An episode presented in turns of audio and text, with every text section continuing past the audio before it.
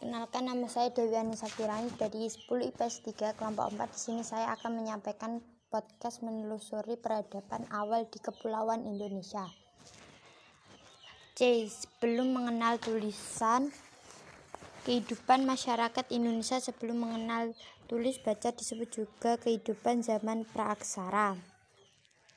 Sementara itu, kata praaksara terdiri atas kata pra dan aksara Kata pra artinya sebelum dan aksara artinya tulisan. Jadi praaksara dapat didefinisikan sebagai masa kehidupan manusia sebelum mengenal tulisan. Satu penelitian zaman praaksara. Untuk menyelidiki zaman praaksara, para ahli harus menggunakan ilmu bantu seperti arkeologi, geologi, paleontologi, biologi, dan lainnya. A. Arkeologi adalah ilmu yang mempelajari sejarah material makhluk hidup. Informasi tersebut diperoleh dari kajian sistematis terhadap benda-benda kuno yang ditemukan seperti artefak dan akofak. B. Geologi, ya, geologi adalah ilmu pengetahuan alam yang khusus mempelajari tentang bumi dari sebag, dari segi komposisinya.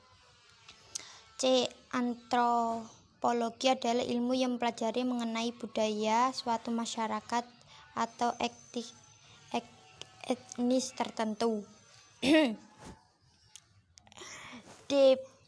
Paleontologi adalah ilmu yang mempelajari sejarah kehidupan di muka bumi mengenai tumbuhan dan hewan pada zaman dahulu yang sekarang telah berubah menjadi fosil.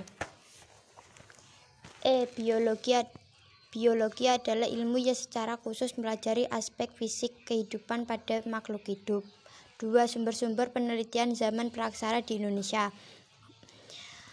Memahami kehidupan mas zaman praksara dapat dilakukan dengan melakukan penelitian tentang hal sebagai berikut. A. Fosil dalam ilmu sejarah dipahami sebagai sisa-sisa tulang ber, belulang hewan dan manusia purba yang sudah membatu.